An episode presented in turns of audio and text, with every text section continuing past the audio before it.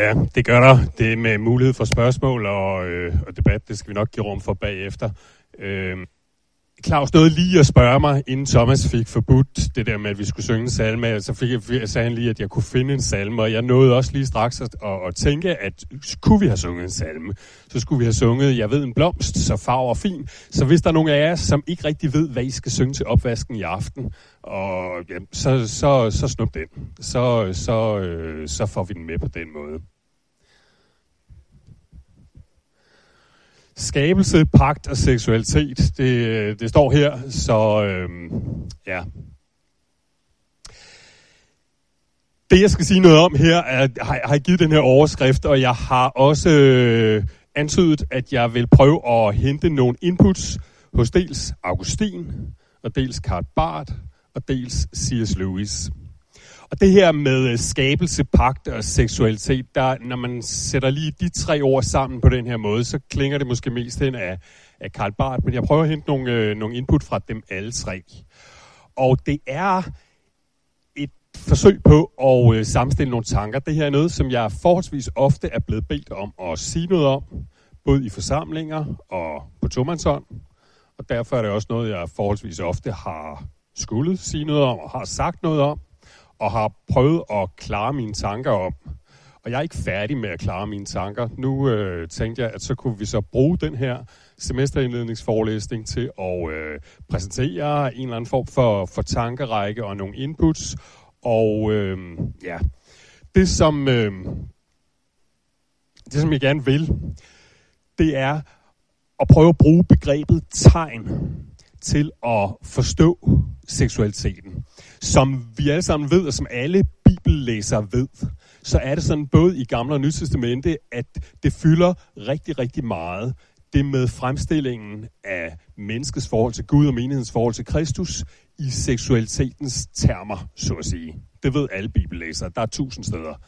Og øh, vi skal ikke øh, gå så meget ind på enkelt bibelsteder i dag, men, øh, men hvis, øh, hvis der var nogen for hvem det her var, var, var helt nyt, så tag en bibel, og øh, så skal I faktisk ikke ret mange sider frem, så, så har I øh, the feeling. Jeg vil prøve at bruge begrebet tegn, fordi jeg synes, at det er det potente begreb i den her samling. Det skal jeg nok lige vende tilbage til. Men det handler altså dybest set om at svare på to spørgsmål. Hvordan er den menneskelige seksualitet et tegn, og hvad er den tegn på? Det er, sådan, det er sådan det, jeg vil prøve at lande, når jeg lægger ind til landing her, og give en eller anden form for bud på et svar på. Og øhm, ja, det er så her, vi er. Jeg tænker, at det kan være meget godt med øhm, lige lidt mere varedeklaration. For det første, så har jeg det som min ambition i dag at sige noget om seksualiteten som tegn, som både handler om den måde at forvalte seksualiteten på, som, øh, som man lever i, hvis man lever i et ægteskab, og altså på den måde lever i et øh, aktivt sexliv, og den måde at forvalte seksualiteten på, som man lever i, hvis man lever som single, i afholdenhed, i, øh, i i kristen teologi og kristen tradition i hele kirkens historie, så har det her stået som sådan ligesom de to måder at forvalte seksualiteten på. Og det er vigtigt for mig lige at understrege, at jeg forstår begge de her måder som en måde at forvalte seksualiteten på. Og altså at, at leve i det her tegn. Det skal jeg vende tilbage til. Og så tænker jeg, at det også kan være fornuftigt nok her til indledning lige at sige, at alt det, jeg siger her, det er diskutabelt. Og det er det også i den forstand, at det bliver temmelig meget diskuteret. Og det gælder jo selvfølgelig ikke mindst, hvis man prøver at se på det, som jeg skal sige nu med The Queer Eye. I så fald, så vil jeg tro, at det hele vil være kritisabelt, og det der er værre. Og alligevel, så handler det her altså for mig ikke om at gå ind i en diskussion med sådan nogen, øh, som... Øh, som tænker konstruktivistisk omkring, omkring køn og seksuel identitet og seksuel udfoldelse. Øhm, det er ikke det, jeg skal sige noget om i dag. Men det kan godt være, at der kunne være nogle af jer, som øh, efter det, jeg har sagt, vil sige, at de har fået en fornemmelse af, hvorfor jeg mener, at den diskussion er vigtig. Så kan det være, at vi i det mindste er kommet så langt. Så det er mere indersiden, det handler om et par af de ting, som, øh, som jeg siger, kommer også til at være lidt øh, kontroversielle, i hvert fald i forhold til det, jeg selv har, har, har hørt og er blevet undervist i, i den teologiske tradition, som jeg selv er en del af. Og i begge tilfælde, så er det vigtigt for mig at understrege, at jeg siger ikke det her for at, at marginalisere nogen, eller udskamme nogen, eller, eller sige, at øh, ja, på den måde. Øh, det, som skriften og teologien har at sige om menneskets seksualitet, det er ikke og kan aldrig blive til sådan en slags fejring af øh, heteroseksuelle, ciskønnede mennesker og deres øh, privilegieblinde seksuelle succes eller noget af den stil, som så kan garneres med lidt religiøst flødeskum, sådan så de kan få Guds bekræftelse i, at de er helt gode nok, som de er. Det er ikke det, det handler om. Hvis det er ægte, det her teologi, så er det dom og frelse. Sådan er Guds ord altid. Og så skal jeg nok alligevel sige, at jeg tror, at det billede, som vi møder i de bibelske skrifter, det er frisættende. Og jeg tror, at det er frisættende for os alle sammen.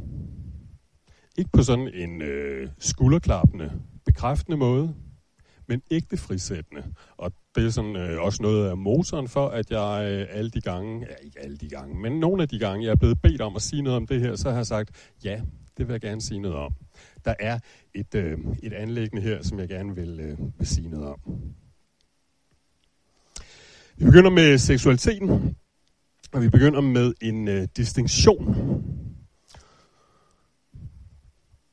En distinktion, som jeg tror, at de fleste voksne mennesker umiddelbart kan, øh, kan fornemme, hvad jeg mener med. En distinktion i begæret efter det, man kunne kalde for begæret efter sex og begæret efter en person. Begæret efter sex, det er det, vi lærte om i skolen, det vi lærte om Freud. Det er seksualitet som behov, som man gerne vil have tilfredsstillet. Seksualitet som, som brunst. Seksualitet i den øh, animalske udgave, kunne man sige. Seksualitet som det, man også kan jagte hos kaniner. Øh, begæret efter sex. Og så er der seksualitet som begæret efter en person. Og jeg tror egentlig, at de fleste af os umiddelbart kan øh, fornemme, at så at sige, det seksuelle, seksuelle begær kommer i de to former, eller med de to aksanger. Begæret efter en person, efter at forenes med en person. C.S. Lewis, han, øh, han siger sådan her om forelskelsen. A man in this state really hasn't leisure to think of sex. He's too busy thinking of a person. Sådan siger han det. Og jeg tror, at C.S. Lewis tager munden lidt for fuld her. Det skal jeg vende tilbage til. Men jeg forstår også godt, hvad han mener. Og jeg forstår den der dobbelthed i det.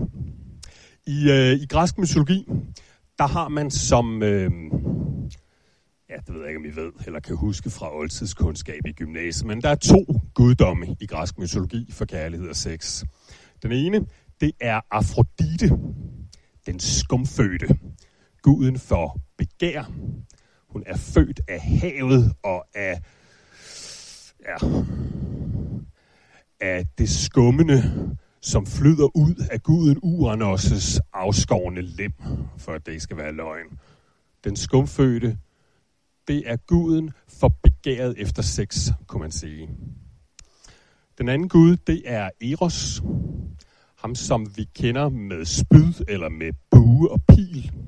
Ham, som sender sine pile imod, han hedder Amor eller Cupido, hvis man er på latin. Ham, som sender sine pile imod de elskende, med eller mod deres vilje, og på den måde skaber den der forening mellem to, som er guden Eros' værk. Seksualitet i Afrodite-forstand, altså som begær efter sex, og seksualitet i Eros-forstand, som foreningen mellem to personer. Nu, øh, græsk mytologi, det er jo ikke, øh, det er jo ikke hellig tekst, så man kan bruge det her lidt, som man vil. Øh, jeg vil bruge det til to ting.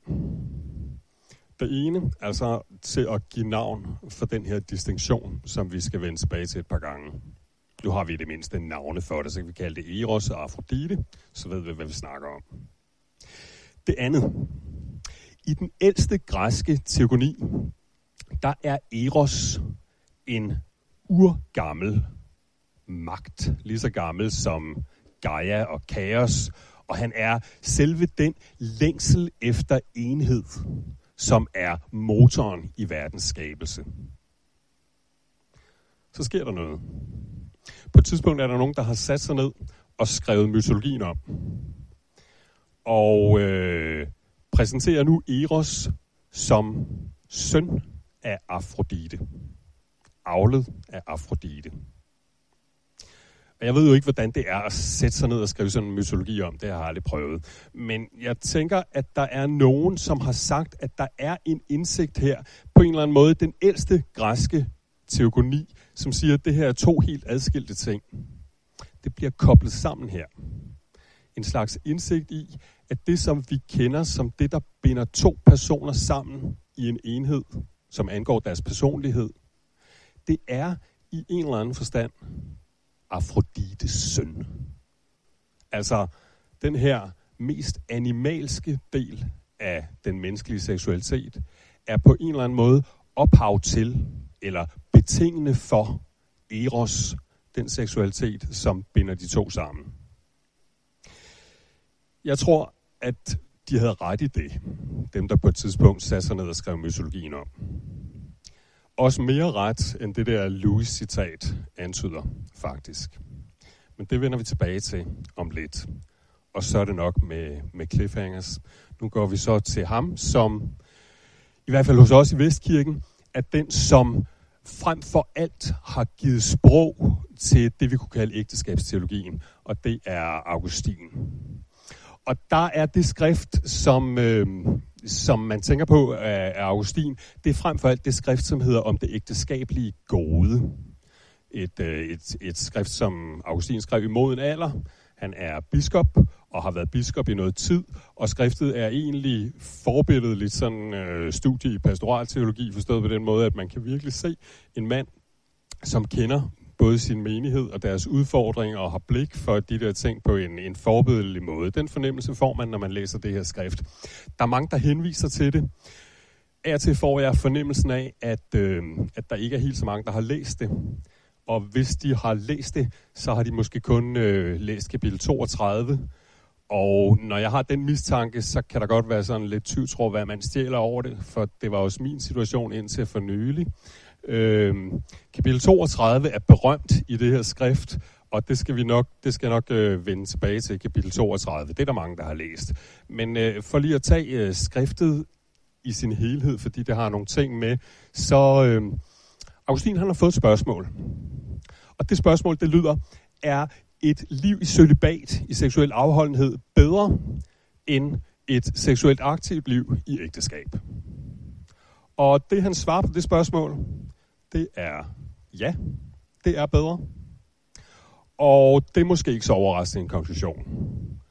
For det er jo også Paulus' konklusion i 1. Korintherbrev kapitel 7, vers 38, tror jeg det er, hvor Paulus øh, skriver det her.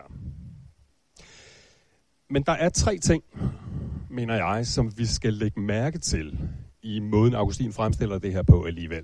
Og det første, det er, at det her skrift er faktisk en bemærkelsesværdig anerkendelse af ægteskabet.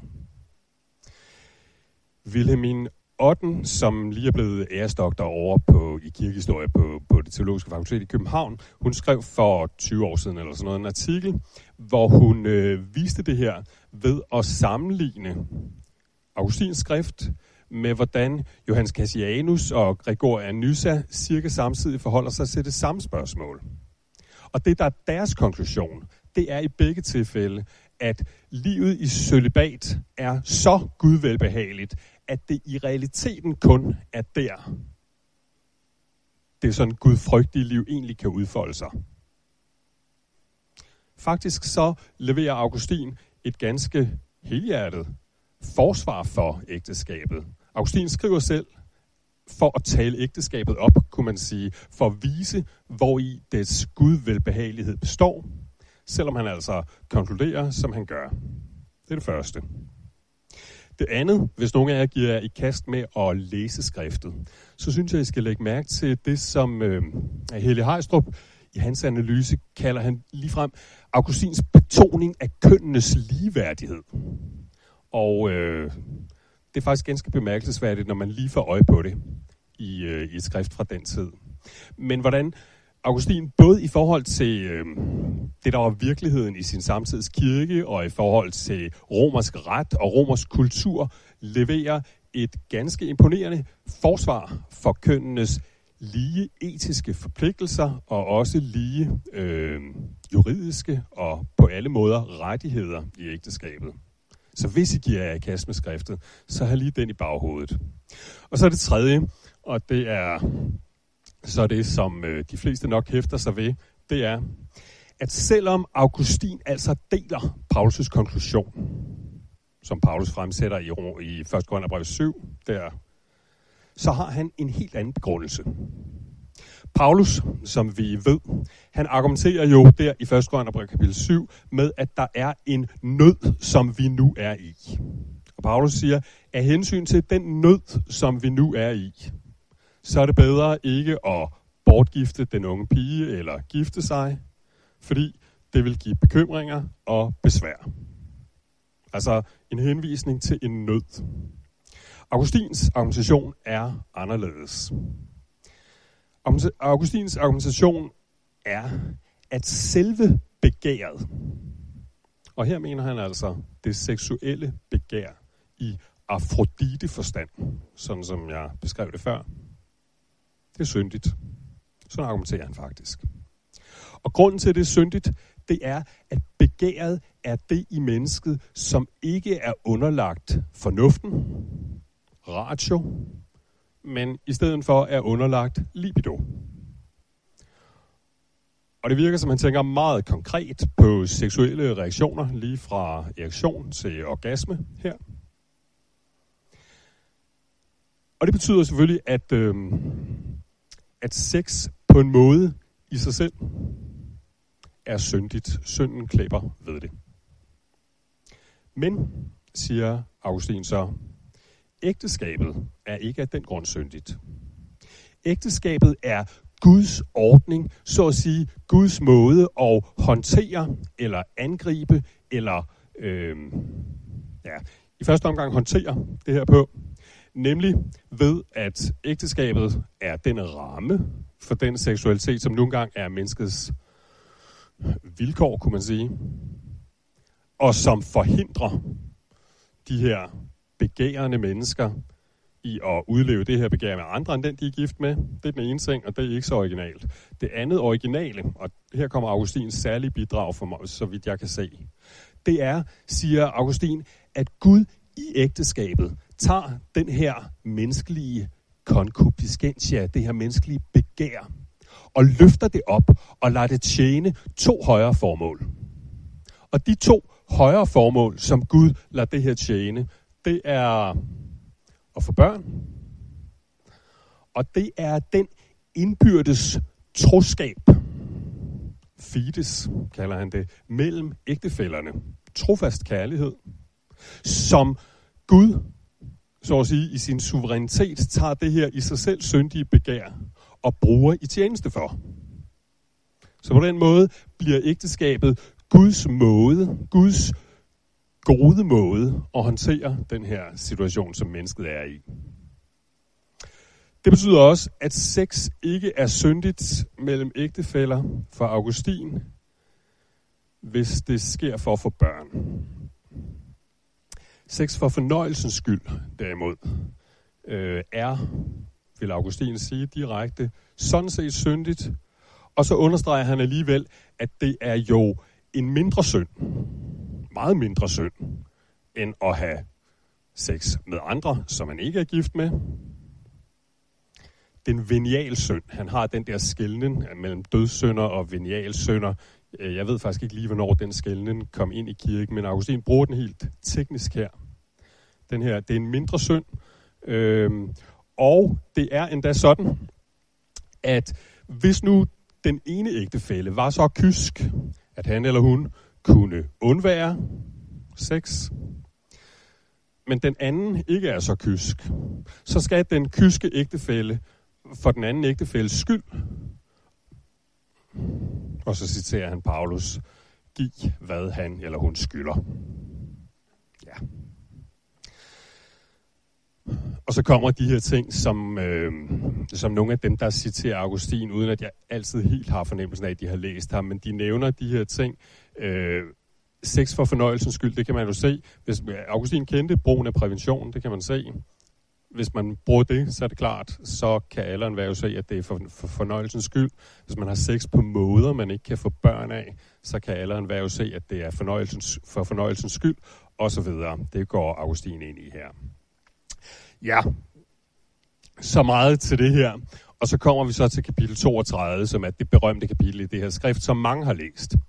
Ægteskabet er, siger Augustin, et tredobbelt gode. For det første og det andet godes vedkommende, så er det alment. Det er for alle folk og alle slægter, som han siger. Og det er altså at få børn, og det er fordi ægteskabet fremmer kyskhed og trofasthed. Og det, som er den trofasthed imellem ægteskab, ægtefæller, som, som, øh, som ægteskabet fremmer, det er, det siger han allerede i kapitel 1, det er selve Guds mål med skabelsen. Og det definerer Augustin som venskab. Og han siger, at når Gud skabte Eva af Adams side, så er det fordi de to ægtefæller skal stå og gå ved siden af hinanden mod et fælles mål forenet i det her venskab af Mikitia. Det er alment. Det er den måde, Gud bruger på skabelsens plan ægteskabet som øh, til at fremme sit gode formål. Så er der noget, der kun gælder for kristne, for Guds folk, som han siger. Og det er, at ægteskabet skal være et sakramente. Og grunden til, at han bruger ordet sakramente her, det er selvfølgelig, når Paulus, altså det, det er Paulus' ord om den her dybe hemmelighed i Efterbrevet kapitel, er det ikke 532 eller sådan noget, øhm, hvor, hvor, hvor Paulus Bro kalder, kalder det en dyb hemmelighed, et mysterion, som på latin hedder sacramentum. Og når vi læser det, så skal vi ikke straks give os til, og øh, altså det er selvfølgelig vigtigt for den katolske sakramentsteologi sidenhen, at Augustin har sagt det her. Men Augustin selv skal vi ikke lige rode ind i diskussionerne om sakramentteologi, hverken på reformationstiden eller i dag det han mener med sakramentum her, det er, at ægteskabet er et, øh, et tegn. Og hvordan er det et tegn? Ja, det betegner noget. Han bruger ordet significare. Og det, som det betegner, det er det ubrydelige ved Kristi forhold til sin menighed. Det er nemlig ægteskabets hellighed i betydningen dets ubrydelighed som er sammenligningspunktet i det her tegn. Og det kan kristne se. De lever selv i et ægteskab, som for kristne er ubrydeligt, betoner Augustin. Og netop den ubrydelighed bliver tegnet. Fordi forholdet til Kristus er, så at sige, fra hans side ubrydeligt, og det kan den kristne se ved at leve i det her. Det er altså de tre goder i ægteskabet på den her måde. Og for børn, at opelske i trofasthed, og så for kristne at være et tegn, eller et sakramente, som han kalder det. Hvad skal vi sige til det? Det første, jeg har lyst til at sige, det er ja til de tre punkter her. Man taler nogle gange om, øh, det har i hvert fald set flere steder, om den augustinske syntese i ægteskabsteologien. Og sagen er jo den, at hvis vi leder i Bibelen efter en tekst eller et sted, som ligesom, sådan gør vi jo nogle gange, hvis vi skal sige, hvad er vores mening om et eller andet, så finder vi en hovedtekst i Bibelen, og hvis den så ikke lige har helt det hele, så henter vi lidt noget ind fra nogle andre steder, men så har vi ligesom et sted at hænge vores hat. Men det kan man ikke i Bibelen med ægteskab og seksualitet man kan ikke finde en hovedtekst, som siger det hele, eller bare det meste, hvor vi så lige kan supplere. Og der er Augustins, øh, også hans brug af Bibelen, både her i kapitel 32 og sådan set i hele skriftet, et forsøg på at lave en syntese af bibelsk ægteskabsteologi. De her tre ting hører ifølge Augustin og efter ham ifølge vestlig teologi konstitutivt til, hvad et ægteskab er. Og det vil jeg gerne sige ja til. Også den måde, Augustin begrunder det, for han begrunder det biologisk i Guds skabelse af mennesket som mand og kvinde. Og det er jo præcis sådan, Jesus begrunder ægteskabet, når han bliver spurgt om det, og siger, har I ikke læst, at Gud fra begyndelsen skabte mennesket øh, som mand og kvinde? Og så begrunder det, derfor skal en mand, altså den måde der, som Augustin tænker på. Jeg tror, at øh, jeg tror, jeg, jeg, jeg, jeg tror, det er, jeg vil gerne sige ja. Det betyder, at man, hvis man forvalter sin seksualitet inden for rammerne af et ægteskab mellem en mand og en kvinde, så, øh, så lever man, ifølge den her måde at tænke på, og som jeg gerne vil sige ja til, så lever man i et tegn. Det er altså ikke bare sådan, at det, det er sådan et tegn i den der nominalistiske betydning, hvor der er sådan et kodesprog, der ligesom skal oversættes, og når vi har så oversat det, så har vi fået pointen, og så kan vi gå ud og, og tænke på den, eller sådan noget. Det er sådan, at ægteskabet har en karakter, som er delagtig i det, som det betegner, sådan så at man lever i det tegn. Og jeg vil gerne tilføje, at Augustin tænker, og jeg tænker, at med ham, at hvis man lever som single, i afholdenhed, for eksempel fordi øh, man ikke er gift endnu, eller fordi ens ægtefælle er død, eller har forladt en, eller fordi man har, har valgt permanent at leve sådan, så lever man også i det tegn. Det er også en forvaltning af seksualiteten, og det er en forvaltning af seksualiteten i den verden, hvor Gud har sat ægteskabet som sådan et tegn. Og jeg vil gerne tilføje for egen regning, Augustin siger det ikke lige på den måde, men jeg vil gerne tilføje, at jeg tror, det er helt nødvendigt i de kristne menigheder, at, vi, at der er nogen, der lever på den måde. Ellers sker der nemlig alt for nemt det, at dem, som lever i ægteskab, de forveksler tegnet med det, som det er tegn på. Det skal jeg vende tilbage til til sidst. Men øh, jeg tror, det er en, øh, en, en ganske vigtig pointe. Men når jeg har sagt alt det her ja, så skal jeg selvfølgelig også sige, hvor at jeg tænker, øh, at det går galt for Augustin. Og med ham ret store dele af kirkens måde at tænke om ægteskabet på i ret mange år efter ham.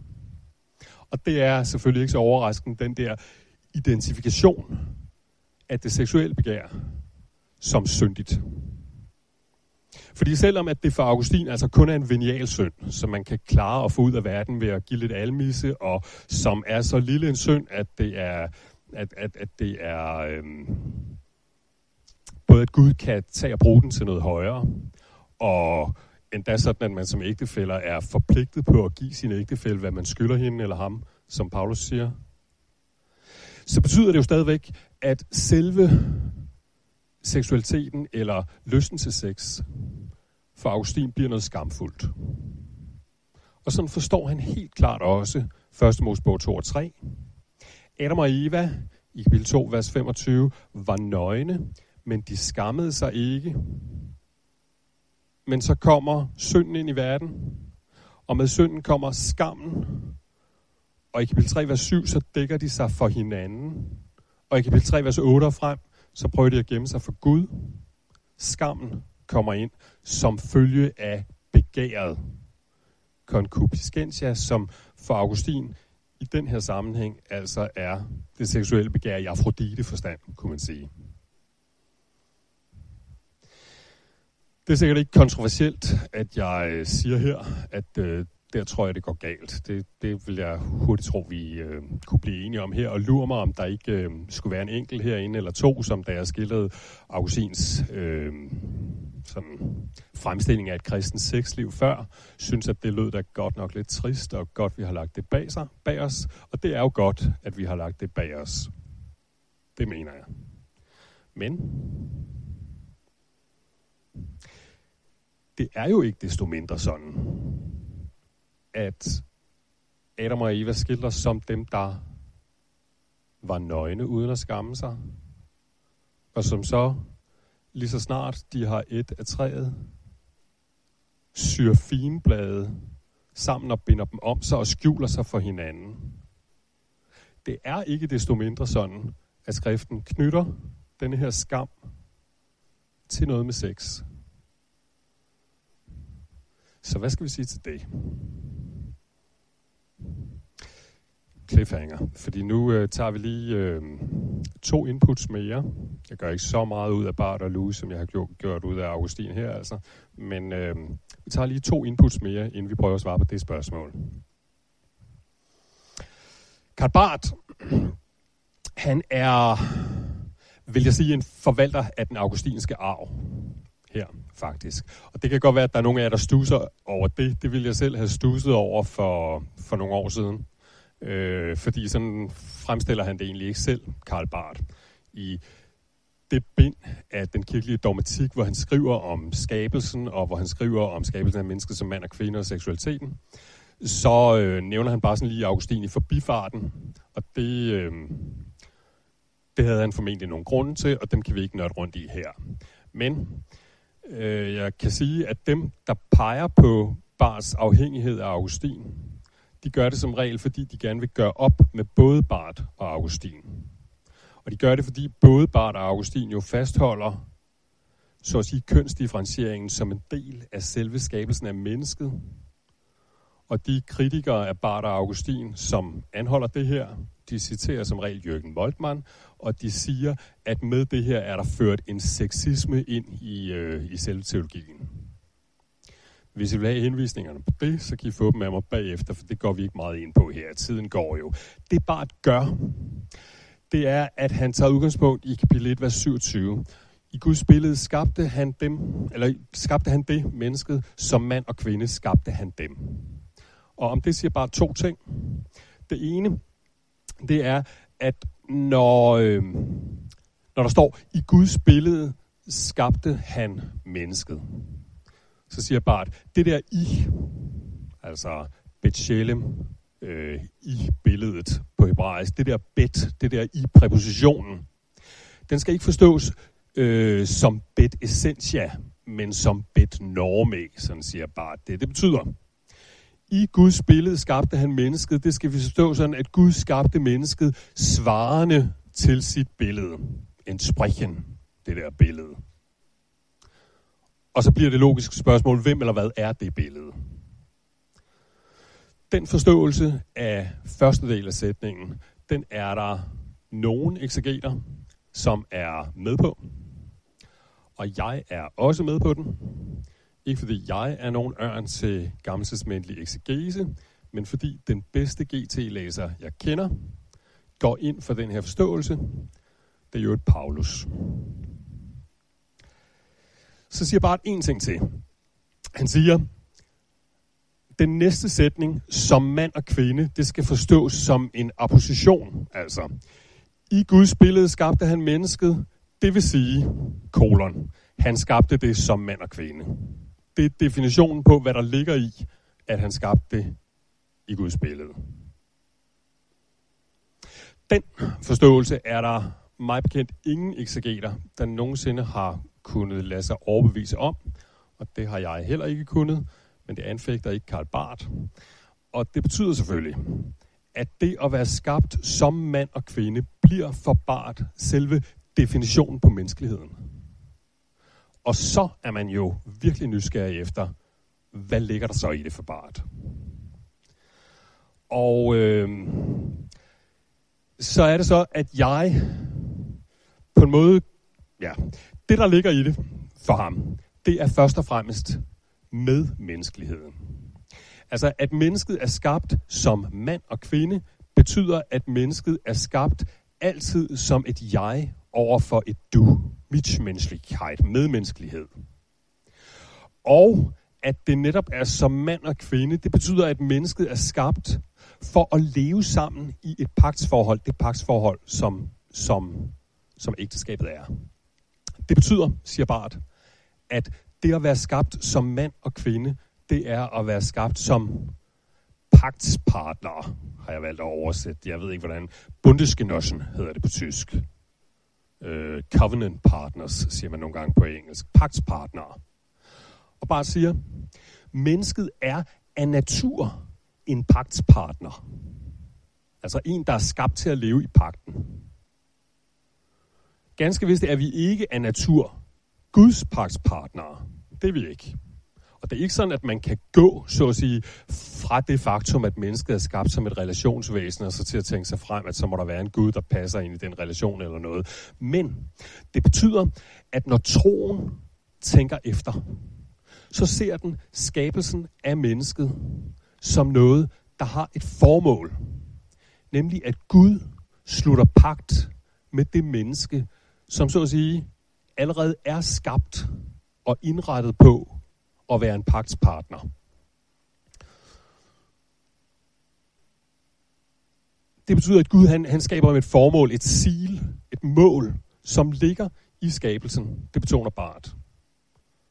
Og så langt her synes jeg, at det er øh, smukt og godt. Det synes jeg faktisk. Og det som Bart betoner, når han skal udfolde, hvordan man så kan forstå ægteskabet som et tegn eller et, et billede, som han siger, på forholdet mellem Kristus og kirken, det bliver til syvende og sidst det her.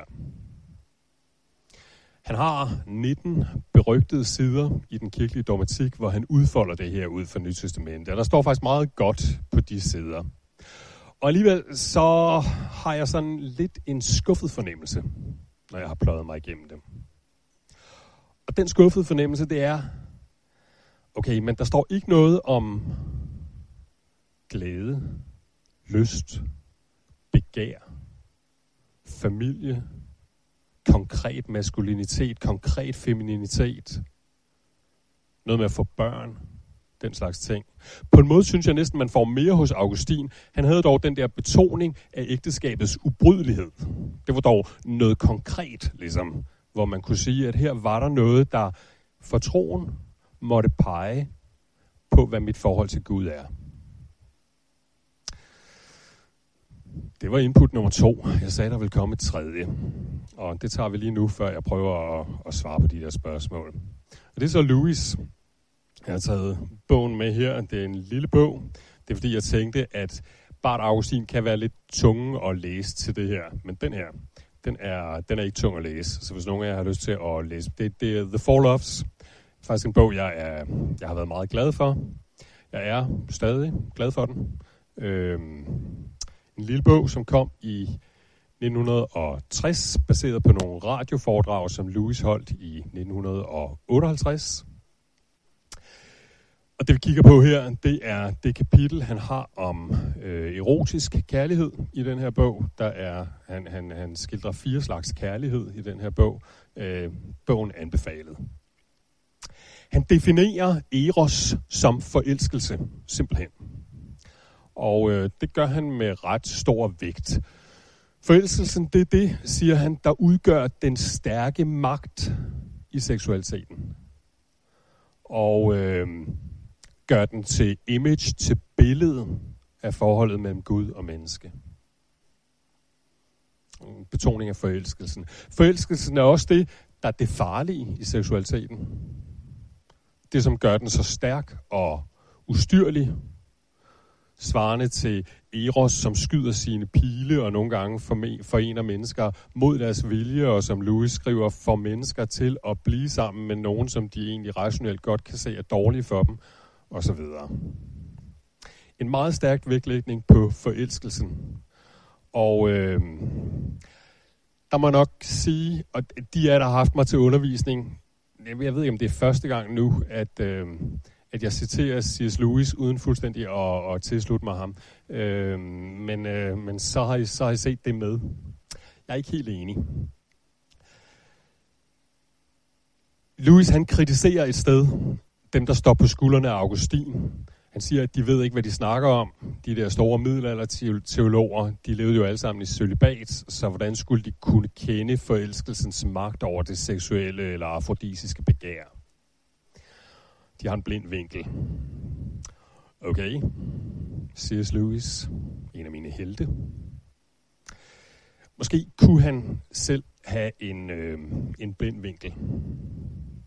Læg mærke til årstallet radioforedrag i 1958, skrevet mens Louis selv var midt i sit livs ene store, stormende forelskelse. Som, hvis jeg skal sige det lidt flabet, og det kan man jo lige så godt, når det bare sådan er en forelæsning her. Jeg mener, hun døde jo, Joy Gresham, som han var forelsket i, og hun døde øh, før syvårskrisen. Øh, Louis, det, det er som om, når man, når, man, når man læser ham, og når man læser hans biografi, altså jeg mener, i hele hans liv havde han jo været opslugt af og optaget af den her romantiske kærlighed i den troubadourdækningen i middelalderen, og det er som om, at hele den her øh, troubadouriske på afstand forelskelse får en slags stormende øh, udløsning i 1958. Lige der, hvor det piker i forhold til Joy. Og så øh, laver han en slags definition af Eros lige her. Og i forhold til det her, så bliver jeg så den, øh, den, den, den, den sure gamle mand, som har haft sølvbryllup. Ikke? Men øh, jeg tror, at forelskelsen er en stærk magt.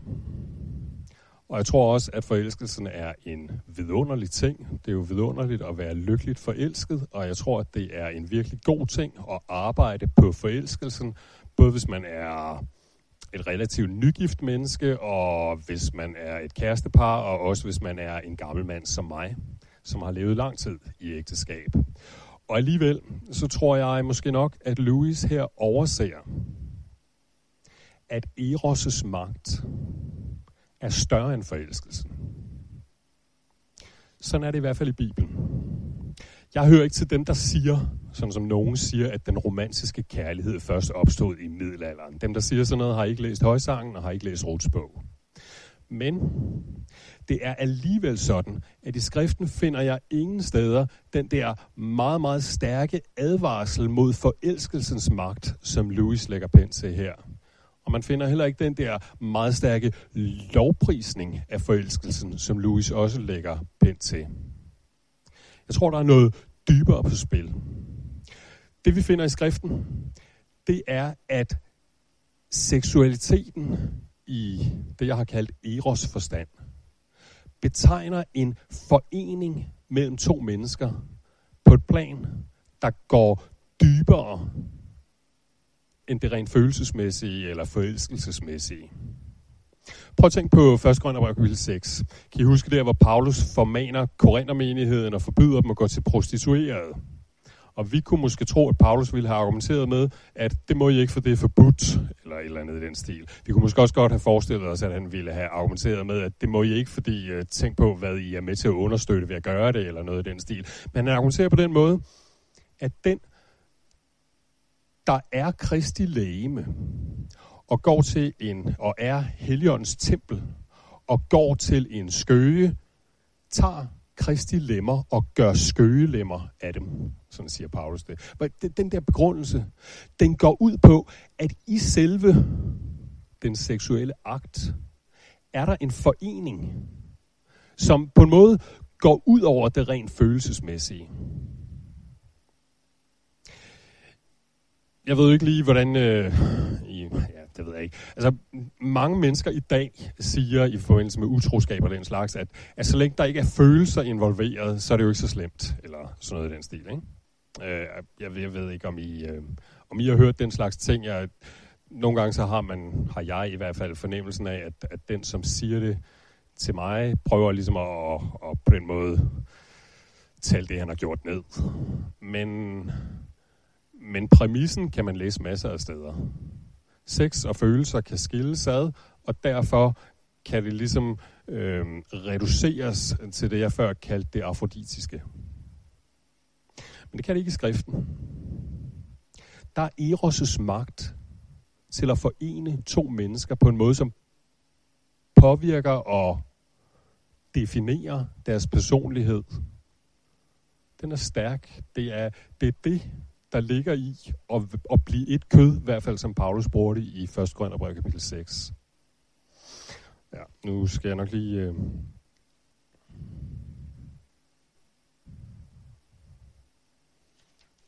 Ja. Nå. Og så selvom jeg har nogle forbehold i forhold til, hvordan Louis fremstiller det her, så leverer han alligevel, synes jeg, et afgørende bidrag til det her. Nemlig ved at pege på, at det er Eros, snarere end Afrodite, som synden er bundet til. Prøv at se her. Jeg henviste før til Adam og Eva, som der i, i 2.25 er nøgne uden at skamme sig. Masser af fortolkere i kirkens historie har sagt, at det er fordi, de var børn. De var, det, det, det er en skildring af overgangen på en eller anden måde fra barn til voksen som et syndefald. Eller omvendt. Øh, det er et syndefald, som på en måde genspiller sig i overgangen fra barn til voksen eller noget i den stil. Alene vers 24 gør jo den tolkning helt øh, umulig. Det er skabelsen af, af kvinden, og det bliver så til, at derfor forlader en mand sin far og sin mor og holder sig til sin hustru, og de to bliver et kød. I så fald så er vers 25 ikke en skildring af, at seksualiteten ikke var der endnu, øh, for så vidt jeg kan se i hvert fald. Hvad er det så? Hvad er det for en tilstand, hvor de var nøgne uden at skamme sig?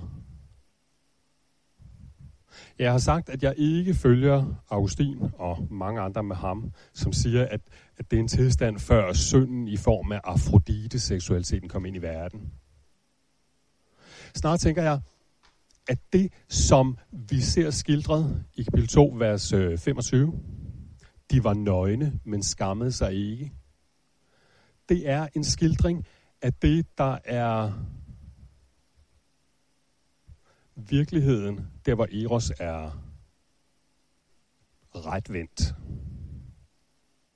Den virkelighed der, hvor man ligger nøgen i sin elskedes favn uden at skamme sig. Det er snart det, der tegnes. Og her tænker jeg ikke sådan særligt på den seksuelle akt, men på at begæret, i positiv forstand, eros begæret, indeholder et blik. Et blik på den anden, som fremkalder den anden på en eller anden måde. Det er jo øh, det, man... Det er jo sådan, det er jo sådan, det tit bliver beskrevet, når det bliver beskrevet smukt. Altså, der er en anerkendelse i den andens blik, som gør, at man kan være nøgen uden at skamme sig. Og hvis det er en rigtig tolkning, så handler det altså ikke om, at Afrodite kom ind i verden, men om, at Eros, det der anerkendende blik, der er i Eros begæret, det bliver fordrejet i forbindelse med sønnen. Og at det er lige præcis det, som, øh, som teksten trækker frem for os, som det, der rammes ved sønnen. Ja. Eros begæret som det anerkendende blik, hvor i mennesket på en måde bliver sig selv uden skam. Kunne man sige, den fuldendte seksualitet, som skiller sig paradisisk der i 2.25. Synden, fordrejningen eller perverteringen af det blik, som gør, at mennesket skjuler sig, både manden og kvinden for hinanden, i vers 7, kapitel 3, og manden og kvinden, Adam og Eva, alle Adamer og Evaer, for Gud, i kapitel 3, vers 8 og frem. Ja, her, nu tror jeg, at øh, jeg, jeg kigger på tiden. Her vil jeg gerne have sagt en lille smule om, øh, om omskærelsen i den her forbindelse. Det, øh, hvis nogen vil, øh, vil vide, hvorfor jeg tror, at lige præcis omskærelsen som pagtstegn hænger sammen med det her, så, så find et tidspunkt og spørg mig øh, en gang ved lejlighed. Ja, nu har jeg jo skrevet det ned endda. Øh, så, så, ja. Men vi går lige videre og tager det sidste, det, det, den sidste sammenfatning øh, fra C.S. Lewis, inden jeg prøver at svare på spørgsmålene som, som, som konklusion. Eller et sidste input, et sidste udtryk.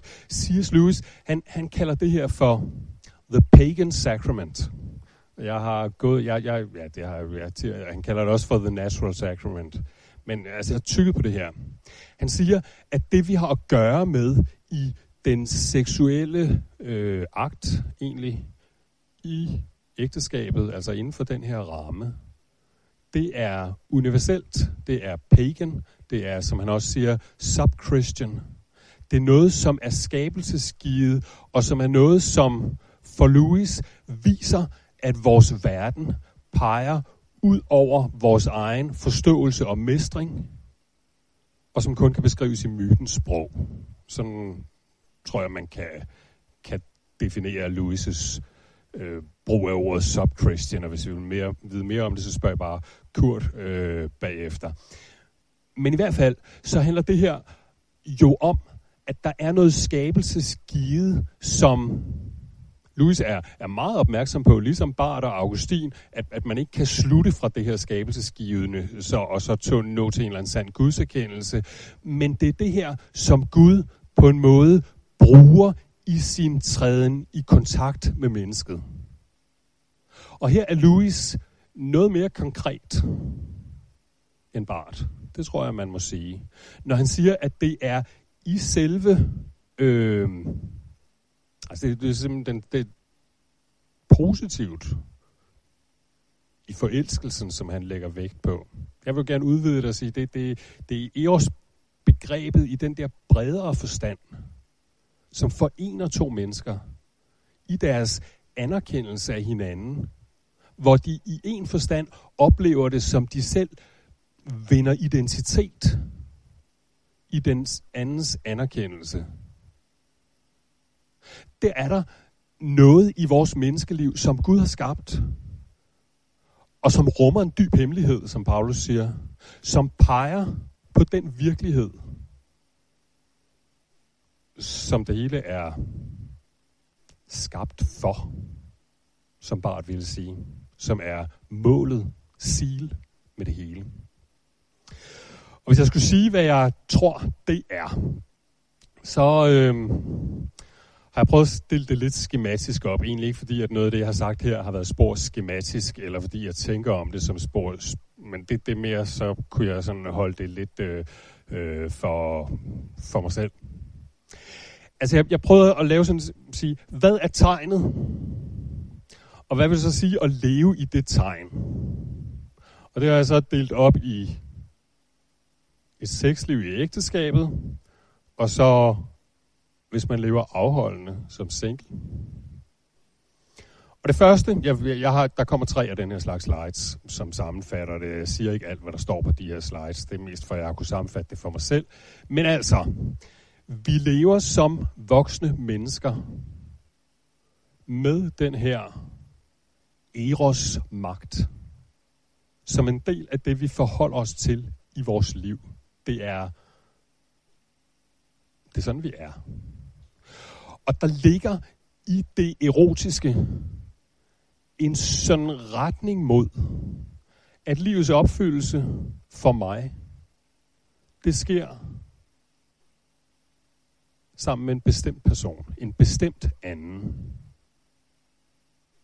Sådan er det jo. Der er jo ingen, der nogensinde har... Øhm, altså, hvis nogen stiller mig det spørgsmål, nu, nu jeg, jeg er en gift mand, hvis nogen stiller mig det spørgsmål, hvor, hvor, hvorfor er du gift med hende? Hvad er det, der gør lige præcis hende? Altså, øh, på hvilke parametre scorer hun højere? Sådan, så hun, eller, øh, det, det er ikke sådan, det foregår vel. Det foregår sådan, at det her binder mig sammen med en bestemt anden på sådan en måde, at hele min oplevelse er, at mit liv opfyldes og lykkes sammen med den bestemte anden.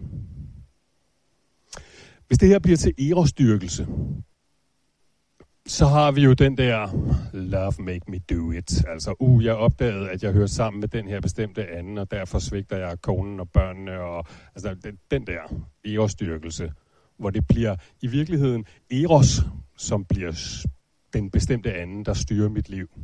Men som tegn, ja, der er vi jo hos Paulus, tænker jeg. I 1. eller 1. Timotius brev 4.5, der argumenterer Paulus jo mod nogen, der forbyder ægteskabet. Og så siger han, alt hvad Gud har skabt er godt, og skal ikke forkastes, når man tager imod det med tak for det helliges, ved Guds ord og ved bøn. Der sker en helligelse af ægteskabet under Guds ord og bøn, så det på en måde peger imod det, som er et tegn på, så man lever i det tegn.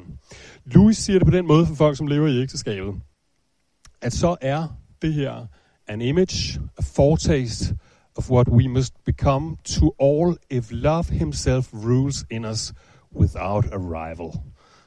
Det, det er meget smukt sagt af Louis, synes jeg egentlig. Men hvad så, hvis man øh, lever i verden uden at være gift? Det gælder jo en del mennesker. Enten fordi man ikke er gift endnu, eller fordi man har mistet den, man var gift med, eller fordi man har bestemt at leve sådan. Ja, det ord, jeg vil sætte på, det er afholdende længsel.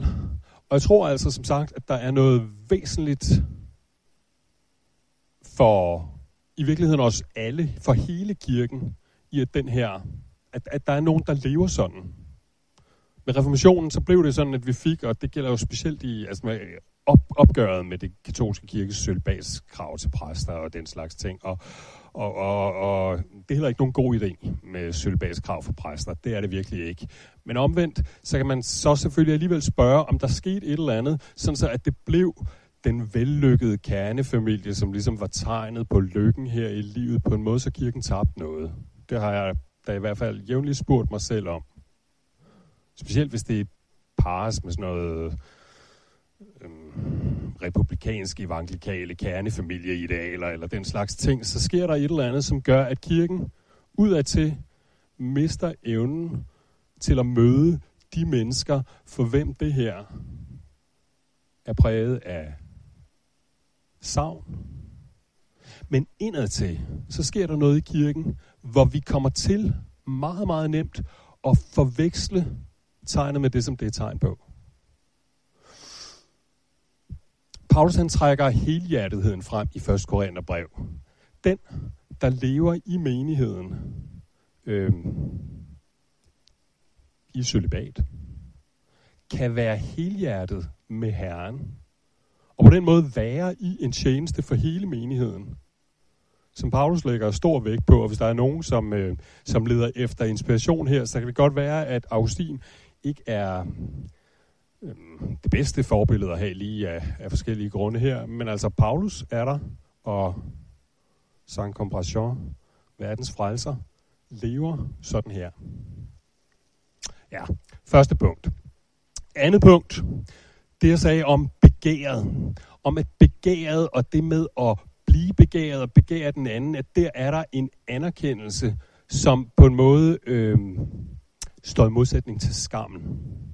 Og hvis det her bliver til ærestyrkelse, så har vi også alle sammen tusind eksempler på, hvordan det så er, det går. Altså mennesker, som jager fra den ene til den anden i forsøget på at finde deres identitet i en, der kan elske dem.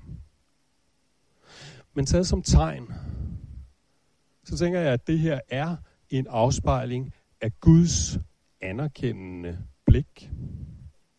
På en måde, det blik, som, som lyder der som omkvæd i Genesis 1, og Gud så, at det var godt, eller, eller, eller som trænger igennem i øh, der Esajas 54, frem, din skaber tager dig til hustru. Det betyder, at man lever sit liv i det, som Paulus kalder den dybe øh, hemmelighed. Det, som Bart betonede meget, at mennesket er det her fællesskabsvæsen, relationsvæsen, og det er afgørende for, hvem vi er. Og at det peger på, at vi først bliver dem, som vi er, vinder identitet, og i enligste forstand skabes i relationen til ham, der er skaberen. For den, som lever som single, jeg satte jeg et ord, jeg, jeg kunne ikke lede, hellig sårbarhed. Jeg mener, jeg er jo selv øh, sådan en der med kone og børn og ligusterhæk og en oblaster, ikke? Og, øh, og, og der er sådan en, øh, altså, øh, der, der, der kan være sådan noget, øh, altså sagen er jo, at vi alle sammen lever af det anerkendende blik i den andens øjne. Og virkeligheden er også, at øh, hvis man lever for sig selv, specielt da hvis det er coronakrise, og man skal sidde alene hjemme på sit hummer, og ikke øh, har et menneske at sidde der sammen med, så er der en ensomhed, som er sårbar. Og samtidig er der i den ensomhed også et tegn på, at det egentlige blik, som fremkalder os og skaber os, det ikke er noget menneskes blik, men det er, at, at, at det er Guds blik på os. Og så til sidst, hvordan er det, man får børn? Det sker jo ved befrugtning, ikke ved øh, knopskydning eller ved kloning. Altså, det, det er jo sådan, svampe formerer sig øh, ved at være, men ikke kønnet formering. Der skal ligesom, det ligger jo biologisk i det her. Nyt liv skabes ved, at der kommer noget udefra og sker en forening. Vi kan ikke bare dele os selv eller klone os selv. Og jeg tænker, at det går an at se på det som et tegn. Jeg tænker, at når Johannes siger i, i kapitel 1 der om dem, som er Guds børn, at de blev ikke født af kødsblød vilje og blods vilje og mands vilje, men af Gud, så understreger Johannes det her. Og Paulus kalder Gud for faderen, efter hvem et hvert faderforhold har navn, så understreger det vel også det her. At Gud er far på en måde, som er sket ved en forening af noget indefra og udefra. Og jeg tænker, at det er knyttet, eller i hvert fald, at det sprog, som Nytestamentet benytter om det her, det er fødselssproget, eller det biologiske sprog. Om du vil. Det seksuelle sprog. Hvis man er single, så tænker jeg, at der i det her er en bevidsthed om, at Guds store familie i verden, det er den universelle familie. Ellers sker der nemt det. Næsten med naturnødvendighed, hvis man lever i en familie, at fokus, det bliver mig og min familie og mine børn og hvordan det går dem. Det som Paulus kalder, at man er delt i 1. Korintherbrev kapitel 7. Det her blik på, at den egentlige familie, det er faktisk ikke kernefamilien. Det er den store familie, eller som Jesus siger, når øh, hans mor og brødre kommer der, så, så, så siger han, øh, se her, og peger på sine disciple af min mor og mine brødre, der i Markus evangeliet kapitel 3. Den, der gør Guds vilje, er min mor og søster og bror, sådan tror jeg det er, han siger det øh, i det næste vers. Det betyder, at kristen tro ikke er en familiereligion eller en stammereligion, men en forventning til en befrugtning af, af noget udefra.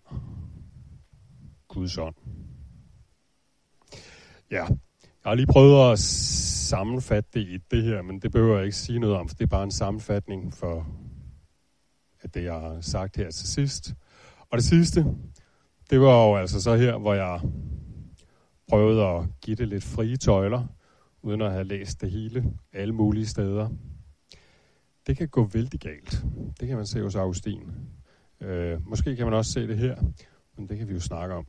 Tak for jeres opmærksomhed.